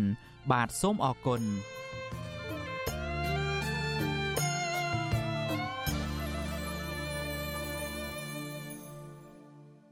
លោកអ្នកនាងកំពុងស្ដាប់ការផ្សាយរបស់ Vuthu Azizi Serai ពីរដ្ឋធានី Washington នៃសហរដ្ឋអាមេរិកនៅឯខេត្តស្ទឹងត្រែងឯណោះវិញដីព្រៃស្រោងស្ថិតក្នុងតំបន់អភិរក្សទំហំជាង520ហិកតាដែលអតីតប្រធានមន្ត្រីដែនដីខេត្តស្ទឹងត្រែងលោកលីអ៊ូសុភាចុះហត្ថលេខាធ្វើប្លង់រឹងឬបានកម្មសិទ្ធិដីធ្លីមិនបានត្រឹមត្រូវនោះត្រូវបានតុលាការលើកលែងការចោទប្រកាន់ហើយបាទករណីនេះបានធ្វើឲ្យអាជ្ញាធរខេត្តស្ទឹងត្រែងនិងតុលាការខេត្តនេះ រងការរិះគន់ថាលាក់បាំងព័ត៌មានពីអ ுக ្រិតកម្មព្រៃឈើនិងការពីមន្ត្រីខលខូចដែលប្រព្រឹត្តអំពើល្មើសច្បាប់ បាទលោកលេងម៉ាលីសូមជូនសេចក្តីរាយការណ៍ពឹស្ដាអំពីរឿងនេះដូចតទៅសំណុំរឿងក្តីដែលប្រធានមន្ទីរដែនដីខេត្តស្ទឹងត្រែងលោកលីអូសុភាសញ្ញេធ្វើប្លង់រឹងជន់ចំដីព្រៃអភិរក្សឬព្រៃស្រោងទំហំជាង500ហិកតាកាលពីជាង2ឆ្នាំមុន អាជ្ញាធរនិងតុលាការព្យាយាមបិទបាំងរឿងនេះនិងការពារជនល្មើសជាមន្ត្រីខលខូចទៅវិញមន្ត្រីសង្គមស៊ីវិលនិងប្រជាសហគមន៍ព្រៃឡង់ប្រតិកម្មចំពោះចំណាត់ការរបស់តុលាការខេត្តស្ទឹងត្រែងដោយពួកគាត់ទាមទារឲ្យស៊ើបអង្កេតឡើងវិញលោកលីអូសុភាមកទល់ពេលនេះសមត្ថកិច្ចមិនត្រឹមតែមិនចាប់ខ្លួន មកផ្ដន្ទាទោសតាមច្បាប់នោះទេ ក្រសួងដែនដីបានផ្ទេរភារកិច្ចឲ្យគាត់ឡើងកាន់តំណែងជាប្រធានមន្ទីរដែនដីក្នុងខេត្តរតនគិរីថែមទៀត មន្ត្រីពង្រឹងសិទ្ធិអំណាចសហគមន៍មូលដ្ឋាននៃសមាគមអាត់ហុកដែលអង្កេតដែលអង្កេតសំណុំរឿងនេះលោកប៉ែនប៊ុនណា សង្កេតឃើញថា ស្ថាប័នអាយកាបានរកឃើញផុសតាងជាបានកម្មសិទ្ធិដីធ្លីឬប្លង់រឹងចំនួន77ក្បាលដីគ្របដណ្ដប់លើព្រៃស្រោងក្នុងតំបន់អភិរក្សទំហំជាង500ហិកតា ដែលជាទ្រព្យសាធារណៈរបស់រដ្ឋទាំងបំពេញច្បាប់ ក៏ប៉ុន្តែតុលាការបែរជាទម្លាក់ការចោទប្រកាន់លើមន្ត្រីនគរបាលយុតិធធរូបនេះទៅវិញលោកថាទង្វើរបស់តុលាការបង្កើតឲ្យមានអយុត្តិធម៌សង្គមវប្បធម៌នីតិរដ្ឋភាពឬទម្លាប់ឲ្យជនល្មើសរួចទោសដែលជាហេតុធ្វើឲ្យមន្ត្រីខលខូចមិនរៀងចាល អតីតទានទីសូយ៉ាដីតឹងត្រៃហ្នឹងត្រូវតែត្រូវទទួលខុសត្រូវចំពោះច្បាប់ហើយវាអត់មានវិបាកទេបាទពួកគូមានផោះតាំងហើយយើងគិតថារយៈពេលថា3 4 5ខែវាអាចបញ្ជូនទៅជំរះបាទជាច្បាប់អត្រាតែប៉ុន្តែព្រួយទៅវិញមន្ត្រីរូបហ្នឹងមិនត្រឹមតែមិនបានឃុំខ្លួនតាមការទាមទាររបស់ព្រះអាញាទេថែមទាំងក្រសួងក៏បានផ្លាស់ពីទួលនីតិពីខេត្តពីប្រធានមន្ត្រីខេត្តស្ទឹងសូរិយដីខេត្តស្ទឹងត្រែងនេះទៅជាប្រធានមន្ត្រីសូរិយដីខេត្តរតនគិរីទៀត កាលពីពេលកន្លងទៅព្រះរាជអាជ្ញាអមសាលាដំបងខេត្តស្ទឹងត្រែងលោកជាតិខេមរាបានសម្រេចចោទប្រកាន់អតីតប្រធានមន្ត្រីដែនដីខេត្តស្ទឹងត្រែងគឺលោកលីអូសុភាពីបទក្លែងបន្លំឯកសារសាធារណៈតាមមាត្រា629នៃក្រមព្រហ្មទណ្ឌពាក់ព័ន្ធការចេញបានកម្មសិទ្ធិមិនត្រឹមត្រូវតាមនីតិវិធីរដ្ឋបាលប៉ះចំដីព្រៃស្រោងរបស់រដ្ឋចំនួន528ហិកតាឲ្យទៅបុគ្គលម្នាក់ ក្នុងពេលដែលគាត់កាន់តំណែងជាប្រធានមន្ត្រីដែនដីខេត្តស្ទឹងត្រែងក្រោយមកតុលាការបានចេញដីកាដំណោះស្រាយមួយដោយទម្លាក់បទចោទប្រកាន់លើអតីតប្រធានមន្ត្រីដែនដីរូបនេះដោយលើកហេតុផលថាលោកលីអូសុភាមិនជាប់ពាក់ព័ន្ធរឿងនេះទេព្រោះកាលនោះគាត់នៅជាអនុប្រធានមន្ត្រីដែនដីខេត្តស្ទឹងត្រែងនៅឡើយតែយ៉ាងនេះក្តីតុលាការនៅបន្តចោទប្រកាន់មន្ត្រីសូរិយោដីពីររូបដែលជាប់ពាក់ព័ន្ធក្នុងរឿងនេះ ពីបទក្លែងបន្លំឯកសារទុច្ចរិតហើយមកទល់ពេលនេះមន្ត្រីទាំងនោះកំពុងនៅក្រៅឃុំជាបណ្ដោះអាសន្នវិទ្យុអាស៊ីសេរីមិនទាន់អាចតាក់ទងសុំការបំភ្លឺរឿងនេះពីអតីតប្រធានមន្ត្រីដែនដីខេត្តស្ទឹងត្រែងលោកលីអូសុភាដែលបច្ចុប្បន្នជាប្រធានមន្ត្រីដែនដីខេត្តរតនគិរីបាននៅឡើយទេ នៅថ្ងៃទី9មិថុនាចំណែកអ្នកនាំពាក្យតុលាការខេត្តស្ទឹងត្រែងលោកឈុំសៀងហាក់ ក៏វិទ្យុអស៊ីសេរីមិនទាន់អាចតាក់ទងបានដែរនៅថ្ងៃដដែលនេះដោយសារទូរស័ព្ទហៅចូលតែគ្មានអ្នកលើកក៏ប៉ុន្តែអ្នកនាំពាក្យសាលាខេត្តស្ទឹងត្រែងលោកម៉ែនគង់ប្រាប់វិទ្យុអស៊ីសេរីថាករណីនេះអាជ្ញាធរបានចុះស្រាវជ្រាវប្រមូលព័ត៌មានរួចហើយដោយរកឃើញថាទីតាំងកើតហេតុស្ថិតក្នុងខេត្តផ្សេងមិនស្ថិតក្នុងដែនរដ្ឋបាលខេត្តស្ទឹងត្រែងឡើយតែលោកមិនបញ្ជាក់លម្អិតថាស្ថិតក្នុងខេត្តណាឡើយ លោកបន្ថែមថាលោកលីអ៊ូសុភាបានស្នើឲ្យស្ថាប័នព័ត៌មានមួយចំនួនដែលចុះផ្សាយករណីនេះស្រាវជ្រាវ និងបកស្រាយឲ្យច្បាស់បើពុំដូច្នោះទេលោកនឹងប្តឹង។ កិច្ចការទាំងអស់នេះចំពោះការលើកឡើងរបស់ស្ថាបព័ត៌មានមួយចំនួនមិនមែនពិតដូច្នោះទេនេះជាការបកស្រាយរបស់លោកប្រធានមន្ត្រីរៀបចំដែនដីនគររូបនីកម្មសំដៅក្នុងសុរិយដីខេត្តហើយលោកបានស្នើសុំឲ្យសារព័ត៌មានទាំងអស់នោះធ្វើការស្រាវជ្រាវហើយធ្វើការបកស្រាយឲ្យបានច្បាស់បើពុំច្បាស់ទេគឺសូមឲ្យលុបចោលវិញនៅក្លឹបសារផ្សព្វផ្សាយដែលមិនពិតទាំងអស់នោះហើយបើមិនជាមិនអនុវត្តទេគាត់នឹងអនុវត្តតាមនីតិច្បាប់ព្រោះកន្លងមកបានអនុវត្តកិច្ចការនេះមួយចំនួនហើយកាលពីឆ្នាំ2020 អាជ្ញាធរខេត្តស្ទឹងត្រែងបានចុះបង្ក្រាបករណីកាប់ទន្ទ្រានដីព្រៃសាធារណៈរបស់រដ្ឋដោយរកឃើញថាឈ្មោះលីអ៊ូសុភាបានចេញបានកម្មសិទ្ធិកាន់កាប់ដីធ្លីចំនួន77បានលាតសន្ធឹងលើផ្ទៃដីអភិរក្សជីវៈចម្រុះព្រៃការពារធម្មជាតិឬព្រៃស្រោងទំហំ528ហិកតាស្ថិតនៅឃុំចំនួន2គឺនៅឃុំសំអាងឃុំមន្លងជ្រៃស្រុកថាឡាបរិវត្តខេត្តស្ទឹងត្រែងអាជ្ញាធរអះអាងថា តំបន់ព្រៃដែលលោកលីឧសភាចុះហត្ថលេខាផ្ដល់ប្លង់រឹងឬប្លង់កម្មសិទ្ធិទំហំផ្ទៃដី500ហិកតា ជាតំបន់អភិរក្សគ្រប់គ្រងដោយក្រសួងបរិស្ថាន ដោយពុំមានដីអាស្រ័យផលរបស់ប្រជាពលរដ្ឋនោះទេ ហើយក៏មិនមានការផ្ទេរកម្មសិទ្ធិដែរជុំវិញរឿងនេះក្រុមស្នូលបណ្ដាញសហគមន៍ការពារព្រៃឡង់ដែលចុះអង្កេតរឿងនេះគឺលោកខេងខូឲ្យដឹងថាព្រៃស្រោងទំហំជាង500ហិកតាដែលមន្ត្រីធ្វើប្លង់រឹងបំពេញច្បាប់ ពេលនេះបានคล้ายជាវាលរហោឋានស្ទើរទាំងស្រុងដោយមានផ្នែកខ្លះទៀតគេដុតកំទេចគំនរឈើនិងឈូសឆាយដើម្បីធ្វើចំការលោកថាព្រៃស្រោងក្នុងតំបន់នោះពុំមានពលរដ្ឋណាមួយរស់នៅឡើយគឺជាជំរកសត្វព្រៃនិងជាតំបន់សម្បូរព្រៃឈើអាជ្ញាធរគួរតែរក្សាទុកនិងស្ដារព្រៃឡើងវិញមិនត្រូវបណ្ដោយឲ្យមានការកាប់រាននោះទេ តោះតែផ្ដំទៀតទៅអ្នកដែលធ្វើលិខិតចេញអនុឲ្យកាន់កាប់ដីធ្លីអ្នកដែលចេញច្បាប់ឲ្យកាន់កាប់ដីធ្លីអានោះมันទៅផ្ដំទៀតទៅបកគលនោះកាលនោះតែខ្ញុំទៅគេអត់ជួយចាយលោកគ្រូគេកាត់ដួលដុតដុតជាកម្លាយទៅជាផេះផោផងហើយដុតចោលចេញហើយបាទតែមកជួយតែឥឡូវជួយលោកខេងខូបន្ថែមថាអាញាធរតែងតែពន្យាពេលមិនដោះស្រាយការទន្ទ្រានព្រៃឲ្យទាន់ពេលវេលា ហើយក្រុមល្មើសនៅតែបន្តកាប់រៀនព្រៃជាបន្តបន្ទាប់ ធ្វើឲ្យព្រៃស្រោងនិងពាក់កណ្ដាលស្រោងคล้ายជាវាលយ៉ាងឆាប់រហ័សដោយជំនួសមកវិញនៅដីចំការលោកគ្មានជំនឿលើចំណាត់ការរបស់តុលាការក្នុងការដោះស្រាយសំណុំរឿងនេះទេ ព្រោះជនល្មើសគឺជាមន្ត្រីមានឥទ្ធិពលមកទល់ពេលនេះដីព្រៃស្រោងដែលអតីតប្រធានមន្ទីរដែនដីលោកលីអូសុភាចេញបានកម្មសិទ្ធិក្រសួងដែនដីគ្រងនឹងដកទុកជាសម្បត្តិសាធារណៈរបស់រដ្ឋ និងមុខភាពប្លង់កម្មសិទ្ធិមិនប្រក្រតីតាមសំណើរបស់តុលាការក៏ប៉ុន្តែមិនបានស៊ើបអង្កេតរោគអ្នកពាក់ព័ន្ធមកផ្ដន្ទាទោសនៅឡើយទេនេះបើយោងតាមការអះអាងរបស់មន្ត្រីរាជការមួយចំនួននៅខេត្តស្ទឹងត្រែងកាលពីពេលកន្លងទៅក្រសួងដែនដីរកឃើញថាលិខិតមួយចំនួនក្នុងចំណោមក្បាលដីទាំង77សន្លឹកដែលលោកលីអូសុភាសញ្ញេធ្វើប្លង់រឹងពុំមានកត់ត្រានៅក្នុងបញ្ជីឈ្មោះម្ចាស់ដីសិភៅគោលបញ្ជីដីនិងបានកម្មសិទ្ធិច្បាស់លាស់នោះឡើយលោកប៉ែនប៊ុនណាមិនអស់ចិត្តចំពោះចំណាត់ការរបស់តុលាការដែលលោកចាត់ទុកថាជាការរួមចំណែកបំផ្លាញធនធានធម្មជាតិផ្ទុយពីសេចក្តីណែនាំរបស់ក្រសួងយុតិធធដែលបដិញ្ញាថានឹងធ្វើកំណែទម្រង់ប្រព័ន្ធតុលាការដើម្បីដោះស្រាយសំណុំរឿងដោយយុត្តិធម៌លោកស្នើដល់ក្រសួងយុតិធធឲ្យធ្វើអន្តរាគមន៍ទៅតុលាការស៊ើបអង្កេតរឿងនេះឡើងវិញ ហើយក្រសួងនឹងកមុខភាពអាប្លង់គ្រួដែលប្រធានមន្ត្រីនឹងចេញទៀតថាប្លង់ជាប្លង់ថ្លៃឯកសារសាធារណៈពិតប្រាកដមែនវាអត់មានអីរឿងអីត្រូវស្រាវជ្រាវបន្តទៀតដើម្បីបញ្ជូនទៅធ្វើការប្លន់ទៀតទោសទេបាទអញ្ចឹងប្រហែលជាមានអំណាចកាងនៅពីក្រោយឬមួយក៏អំពើពុករលួយអីនៅពីក្រោយបានធ្វើឲ្យដំណើរក្តីរឿងបទអក្រិតខ្លែងឯកសារសាធារណៈរបស់លោកប្រធានមន្ត្រីសូយដីអតីតខេត្តសឹងត្រៃហ្នឹងនៅគាំងកាលពីថ្ងៃទី6មិថុនាកន្លងទៅ លោកនាយករដ្ឋមន្ត្រីហ៊ុនសែនបានបញ្ជាទៅអភិបាលខេត្តទាំងអស់រួមទាំងរដ្ឋមន្ត្រីក្រសួងកសិកម្មនិងរដ្ឋមន្ត្រីក្រសួងបរិស្ថានឲ្យចាប់ខ្លួនអ្នកដែលកាប់ទន្ទ្រានដីរដ្ឋនិងកាប់ឈើខុសច្បាប់មុនពេលបោះឆ្នោតជាតិលោកស្នើដល់អាជ្ញាធរថាត្រូវបញ្ឈប់សកម្មភាពកាប់រានដីព្រៃជាបន្ទាន់ទោះបីជាបុគ្គលនោះជាអ្នកមានលុយមានអំណាចក្តីចំណែកមន្ត្រីសង្គមស៊ីវិលមើលឃើញថា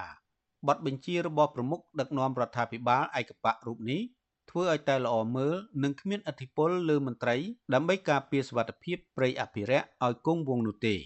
ប្រសិនបើសម្ដីរបស់លោកហ៊ុនសែនមានអធិបុលនោះប្រហែលជាប្រធានដែនដីខេត្តលោកលីអូសុភានឹងមិនរួចខ្លួនពីសំណាញ់ច្បាប់ឡើយខ្ញុំបាទលេងម៉ាលី With you Assisary Washington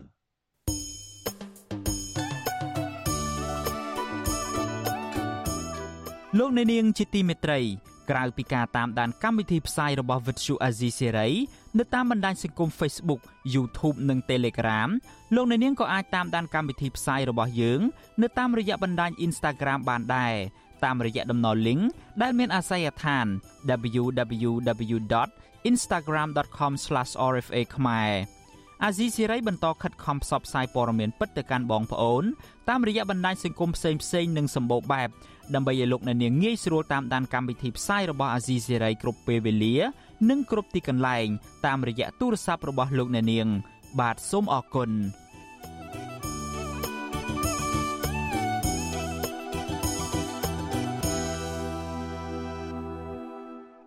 លោកអ្នកនាងជាទីមេត្រីក្រុមកម្មករនៅក្នុងវិស័យកាត់ដេរនិងផលិតសម្លៀកបំពាក់លើកឡើងថា ការធានាថាមានការងារធ្វើនៅក្នុងវិស័យនេះ និងប្រាក់ឈ្នួលដែលអាចមានជីវភាពរស់នៅសមរម្យគឺជាតម្រូវការដែលពួកគាត់ចង់បានពីគណៈបកនយោបាយដែលចូលរួមការបោះឆ្នោតនៅក្នុងខែកក្កដាខាងមុខនេះមន្ត្រីគណៈបកកណ្ដាលអំណាចមិនបានសន្យាតបទៅតាមការទៀមទារបស់កម្មករនេះទេដោយសំអាងថារដ្ឋាភិបាលនឹងថ្លឹងថ្លែងពីស្ថានភាពជាក់ស្ដែងជាជាងការធ្វើទៅតាមការទៀមទារបស់ក្រុមកម្មករបាទសូមលោកអ្នកនាងស្ដាប់សេចក្តីរាយការណ៍នេះពឹស្ដា របស់អ្នកស្រីសុជីវីដូចតទៅ មានការងារជាប់លាប់និងប្រាក់ឈ្នួលសមរម្យជាចំណុចគន្លឹះដែលអាចឲ្យក្រុមកម្មករដោះស្រាយបញ្ហាផ្សេងផ្សេងទៀតជាច្រើននៅក្នុងជីវភាពក្នុងនោះរួមទាំងការធានាចិញ្ចឹមក្រុមគ្រួសារព្យាបាលជំងឺ បញ្ជូនកូនកូនទៅសាលារៀនដោះបំណុលធនាគារនិងបញ្ជាចំណាក់ស្រុកកម្មករនៅរោងចក្រកាត់ដេរសម្លៀកបំពាក់យីហោ Adidas នៅក្នុងខេត្តកំពង់ឆ្នាំងលោកនឹមសុខឿនថ្លែងថា កម្មករភ ieck ច្រើនជួបបញ្ហាចំណាយច្រើនជាងចំណូលដែលធ្វើឲ្យពួកគេជំពាក់បំណុលវាន់កក្នុងនោះរួមទាំងបំណុលធនាគារស្ថាប័នមីក្រូហិរញ្ញវត្ថុនិងបំណុលឯកជនដែលមានការប្រាក់ខ្ពស់លោកថានៅពេលរោងចក្របិទទ្វារឬព្យួរការងារកម្មករជាច្រើនសម្រាប់ចិត្តចំណាក់ស្រុកទៅក្រៅប្រទេសដោយរំពឹងថាមានការងារទៀងទាត់និងមានប្រាក់ឈ្នួលខ្ពស់លោកសុខឿនបន្តថាក្នុងរោងចក្រដែលលោកកំពុងធ្វើការ ថៃកែបានព្យួរការងារកម្មករជាច្រើនផ្នែកជាបន្តបន្ទាប់ដោយសំអាងថាពុំមានការបញ្ជាទិញចូលថ្មីប៉ុន្តែលោកថាកម្មករខ្លះបែរជាត្រូវធ្វើការថែមម៉ោងច្រើនទៅវិញលោកសង្ស័យថាថៃកែប្រើលេសខ្វះការបញ្ជាទិញនេះដើម្បីបំពានសិទ្ធិកម្មករហើយប្រសិនបើកម្មករចង់តវ៉ានឹងត្រូវព្យួរការងារឬបញ្ឈប់កិច្ចសន្យាការងារជាដើមលោកសុខឿនឲ្យដឹងទៀតថាថៃកែរោងចក្រខ្លះបិទទ្វាររោងចក្រស្ងាត់ស្ងាត់ កិច្ចពីការទទួលខុសត្រូវដែលត្រូវបង់សំណងឲ្យកម្មកររួចបដូរឈ្មោះថ្មី ឬបើករោងចក្រថ្មីជួយរកការងារឲ្យបងប្អូនយើងឲ្យធ្វើឲ្យច្រើនកុំឲ្យមានការនោះដូចជាដំណាក់ស្រុកភាគច្រើនគឺដំណាក់ស្រុកហ្នឹងគឺវាពិបាកកន្លែងហ្នឹងមួយគឺពិបាកខ្លាំងហើយហ្នឹងបើសិនជាស្រុកយើងមានការងារធ្វើប្រាក់ខែសមរម្យយើងអាចអាចរត់ទៅស្រុកគេ កន្លងមកដូចជាកន្លះសប្តាហ៍មុនគឺមានមើលឃើញស្រាប់ហើយគេចាប់នៅទៅស្រុកថៃនោះគឺចាប់ដាក់ខ្នោះដាក់អីហ្នឹងដាក់គុកអញ្ចឹងណាហើយសិតបងប្អូនខ្មែរក្នុងរយៈពេលពេញមួយឆ្នាំ2022កន្លងទៅ មានរោងចក្រសហគ្រាសប្រមាណ7500បានបិទទ្វារនិងរោងចក្រ102បានព្យួរការងារក្នុងនោះមានរោងចក្រកាត់ដេរជិត100រោងចក្រដែលធ្វើឲ្យប៉ះពាល់ដល់កម្មករនិយោជិតសរុបប្រមាណ60000នាក់ តែទោះជាយ៉ាងណា មានរោងចក្រសហគ្រាសថ្មីជាច្រើន បានបើកដំណើរការដែរនៅដើមឆ្នាំ2023នេះរោងចក្រសហគ្រាសចំនួនជាង100បានបិទទ្វារព្យួរការងារនិងកាត់បន្ថយកម្មករកម្មករធ្វើការក្នុងរោងចក្រកាត់ដេរម្នាក់ទៀតលោកផាន់នីឲ្យដឹងថាប្រាក់ឈ្នួលក្នុងពេលបច្ចុប្បន្ននេះមិនអាចឲ្យកម្មកររស់នៅបានសមរម្យទេ លោកថាដូចជាគ្រួសាររបស់លោកជាដើម នៅពេលមានជំងឺម្ដងម្ដង គឺមានតែខ្ចីបុលគេ ដើម្បីដោះស្រាយបញ្ហាមួយគ្រាមួយគ្រាលោកថាកម្មករដែលកាន់ប័ណ្ណបសសទៅមន្ទីរពេទ្យមិនសូវបានការយកចិត្តទុកដាក់ពីគ្រូពេទ្យទេ ជាហេតុធ្វើឲ្យពួកគាត់ត្រូវចំណាយប្រាក់បន្ថែមក្នុងកំឡុងឥឡូវហ្នឹងគឺគេអត់អត់សូវយកចិត្តទុកដាក់ជាមួយនឹងខាងបសសទេគឺតែធ្វើការបសសហ្នឹងគឺជាខាងពេទ្យគាត់សូវយកចិត្តទុកដាក់ជាមួយអញ្ចឹងហើយនេះហើយបានធ្វើឲ្យគាត់រាល់ជំងឺបនបំធ្ងន់ធ្ងរអីចឹងគាត់តតប្រើលុយសុទ្ធ តកតនឹងស្ថានភាពជីវភាពកម្មករនេះដែរក្រុមកម្មករបានស្នើឲ្យគណៈបកនយោបាយដែលចូលរួមការបោះឆ្នោតឬគណៈបកដែលសង្ឃឹមថានឹងឈ្នះឆ្នោតពង្រឹងការអនុវត្តច្បាប់ការពារសិទ្ធិកម្មករទាំងពេលកំពុងធ្វើការនិងពេលដែលរោងចក្របិទទ្វារឬព្យួរការងារករណីរោងចក្របិទទ្វារនាពេលកន្លងទៅ មានថៅកែមួយចំនួន បានរត់ចោលកម្មករដោយមិនបានផ្ដល់ប្រាក់សំណងត្រឹមត្រូវទៅតាមច្បាប់ឡើយដែលធ្វើឲ្យកម្មករ ផ្ទុះការតវ៉ាជាញឹកញាប់តកតនៅរោងចក្របិទទ្វារនិងព្យួរការងារនៅដើមឆ្នាំ2023ស្របពេលដែលការបោះឆ្នោតកាន់តែខិតគៀកមកដល់លោកហ៊ុនសែនបានចេញបញ្ជាឲ្យក្រសួងពាក់ព័ន្ធផ្ដល់ប្រាក់ឧបត្ថម្ភដល់កម្មករដែលរោងចក្រព្យួរការងារក្រសួងការងារបានណែនាំភ្លាមៗថា កម្មករអាចទទួលបានប្រាក់ឧបត្ថម្ភ20ដុល្លារពីរដ្ឋាភិបាល15ដុល្លារពីនយោជកប្រសិនបើត្រូវព្យួរការងាររយៈពេលពី7ទៅ14ថ្ងៃ និងទទួលបាន40ដុល្លារពីរដ្ឋាភិបាលនិង30ដុល្លារពីនយោជកនៅពេលព្យួរការងាររយៈពេលពី15ទៅ1ខែតែទោះជាយ៉ាងណាកម្មករនិងសហជីពថាកម្មករគួរទទួលបានប្រាក់ឧបត្ថម្ភនោះពាក់កណ្ដាលប្រាក់ឈ្នួលគោលពាក់ព័ន្ធនឹងរឿងនេះអ្នកនាំពាក្យគណៈបកប្រជាជនកម្ពុជាលោកសុកអេសានលើកឡើងថាគណៈបករបស់លោកមិនអាចសន្យាថានឹងផ្ដល់ប្រាក់ខែប៉ុន្មានជាក់លាក់ទៅដល់កម្មករបានទេចំណែកការធានាថាមានការងារធ្វើដល់កម្មករនោះ ក៏រឹតតែមិនអាចធ្វើបានទៅទៀតព្រោះផ្អែកលើស្ថានភាពជាក់ស្ដែង និងបរិយាកាសនយោបាយនៅលើពិភពលោក។ហើយកម្ពុជាជាប្រទេសតូចវាជាមិនរួចអំពីរងហានិភ័យផលវិបាកពីប្រទេសធំធំមួយចំនួនដែរបាទអញ្ចឹងសូមឲ្យបងប្អូនកម្មករនយោជិតលោកយល់បញ្ហាទោះបីថាមានគណៈបកនយោបាយណា ដែលជើងល្អមកអួតអាងធានាថាឲ្យរោងចក្រនឹងអត់ ធានាអត់បិទទេធានាស្ថិរភាពការងារឲ្យបងកូនបងអូនកម្មករនយោជិតតែគ្មានណាធានាបានទេបាទអានឹងមានធ្វើតាមការជាក់ស្ដែងបាទរាជរដ្ឋាភិបាលដែលក្នុងនាមជាអ្នកគ្រប់គ្រងអ្នកដែលដឹកនាំប្រទេសនឹងក៏ចង់ជាងបងប្អូនទៀតចង់ឲ្យកម្មករយោចិត្តរបស់យើងមានប្រាក់ជួលខ្ពស់ខ្ពស់ទៅក៏ប៉ុន្តែគណៈបកប្រជាជនមិនសន្យាចោលទេ បាទធ្វើម៉េចគឺថាតម្លើងប្រជាប្រចាំឆ្នាំប្រាក់ឈ្នួលគោលកម្មករក្នុងវិស័យកាត់ដេរ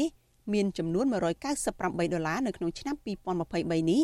ដែលកម្មករអះអាងថាចំនួននេះនៅមិនទាន់អាចឲ្យពួកគេមានជីវភាពសមរម្យទេប្រធានសម្ព័ន្ធសហជីពចលនាកម្មករកម្ពុជា លោកប៉ៅស៊ីណាមានប្រសាសន៍ថាឆ្លងតាមបទពិសោធន៍ចរចាប្រាក់ឈ្នួលគោលកម្មករនៅឆ្នាំកន្លងទៅភាគីរដ្ឋាភិបាលតែងដើរតួជាអ្នកសម្របសម្រួល ហើយភាគច្រើនមិនបានសម្រេចតាមតម្រូវការរបស់កម្មករឡើយប្រសិនបើភាគីរដ្ឋាភិបាលគាត់អាចកាត់ថាឥឡូវក្រសួងការងារគាត់អាចកាត់ថាភាគីសហជីពចង់បានប្រព័ន្ធនេះកម្មករទីទីប្រព័ន្ធនេះហើយភាគីក្រសួងមើលឃើញថាផលចំណេញនយោជកនៅតែមាននៅតែរកឃើញថានយោជកនៅតែអាចចំណេញបានដូច្នេះគាត់បើត្រូវតែកំណត់ថាគូដែលត្រូវបានផ្ដល់ឲ្យប្រព័ន្ធនេះអានោះគឺជារឿងមួយល្អប្រសើរមានគាត់មានដើរកញ្ញាសិទ្ធិក្នុងការអាកាត់ប៉ុន្តែដល់ពេលដែលគាត់ត្រឹមតែ សម្របសម្រួលវាច្បាស់ណាស់ថាយើងពិតជាពិបាកនៅក្នុងការចរចាមែនទែនក្នុងពេលនេះអ្វីដែលក្រុមកម្មការព្រួយបារម្ភនោះគឺរដ្ឋាភិបាលនឹងមិនងាកមកខ្វល់ខ្វាយពីតម្រូវការរបស់កម្មករឲ្យបានពិតប្រាកដទេ នៅពេលដែលគណៈបកដឹកនាំប្រទេសបច្ចុប្បន្ននេះកំពុងជិះសេះលែងដៃដោយគ្មានគណៈបកប្រកួតប្រជែងជាមួយនៅក្នុងការបោះឆ្នោតក្រោយស្ថាប័នពាក់ព័ន្ធផាត់ចោលគណៈបកភ្លើងទៀន កម្មករម្នាក់ទៀតធ្វើការនៅរោងចក្រកាត់ដេរនៅជ័យក្រុងភ្នំពេញលោកមុតម៉ៅមិនសង្ឃឹមថាបកកាន់អំណាចនឹងដោះស្រាយបញ្ហាកម្មករឡើយនៅក្រោយការបោះឆ្នោតដែលគណៈបកនេះបានដឹងថានឹងឈ្នះឆ្នោតរួចទៅហើយនោះ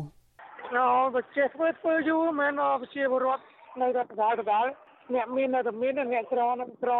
បញ្ហាដែលគាត់ចុះមកគាត់តែតែឃើញ សម្រាប់ផលលំបាករបស់កម្មករតែគាត់មិនយល់គាត់បានតែឃើញបាទបើមិនគាត់យល់គាត់មិនមែនទៅកាត់ថ្ងៃបុណ្យរបស់ជាតិគាត់កាត់ចោលទាំងអស់មកកណោតែតែគាត់ឡើងប្រាក់ខែឲ្យកម្មករប្រហែលក្នុងមួយឆ្នាំឡើងបាន2រៀលអីបើគិតជាកាត់ទៅវិញជិត100ដុល្លារសួរថាកម្មករគាត់ចំណេញឬគាត់ខាតអញ្ចឹងគឺគាត់ខាតទ្វេគុណហើយការងារដូច EBA តែត្រូវកាត់ចោលអីវិញហ្នឹងជាបញ្ហាប្រាក់ខែឡើងមិនតិចទំនិញទីផ្សារឡើងកាន់តែខ្ពស់ ក្រុមកម្មករអះអាងថាការងាររបស់ពួកគេបានប៉ះពាល់រួចទៅហើយដោយសារតែការដកហូតប្រព័ន្ធអនុគ្រោះពន្ធ EBA 20%និងការឆ្លងរាលដាលជំងឺ Covid-19 ហើយបន្ទាប់មក គឺបញ្ហាវិបត្តិសង្គ្រាមនៅអ៊ុយក្រែនបើទោះជាយ៉ាងណា ពួកគេនៅតែទទូចឲ្យរដ្ឋាភិបាលរក្សាប្រព័ន្ធអនុគ្រោះពន្ធដែលនៅសល់បើទោះបីជាប្រមុខដឹកនាំរដ្ឋាភិបាលលោកហ៊ុនសែនអះអាងថា EBA ពីសហភាពអឺរ៉ុបគង់នឹងបាត់បង់ ហើយបញ្ហានេះ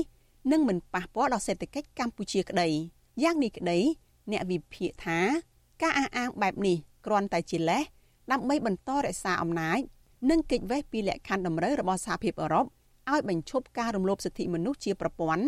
និងងាកមកដើរតាមគន្លងប្រជាធិបតេយ្យតែប៉ុណ្ណោះនាងខ្ញុំសុជីវីវិទ្យុអាស៊ីសេរីពីរដ្ឋធានី Washington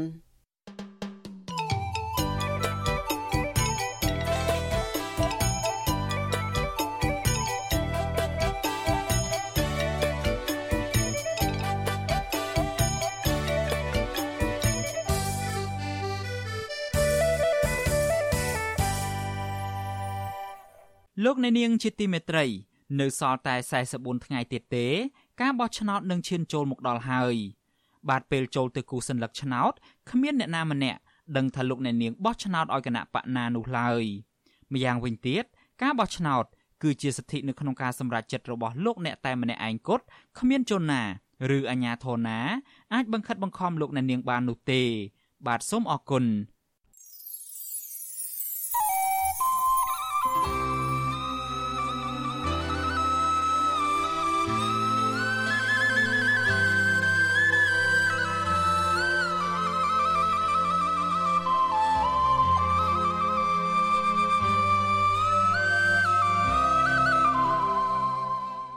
លោកអ្នកនាងជាទីមេត្រីការផ្សាយរយៈពេល1ម៉ោងរបស់វិទ្យុអាស៊ីសេរីនៅព្រឹកនេះចប់ត្រឹមតែប៉ុណ្ណេះ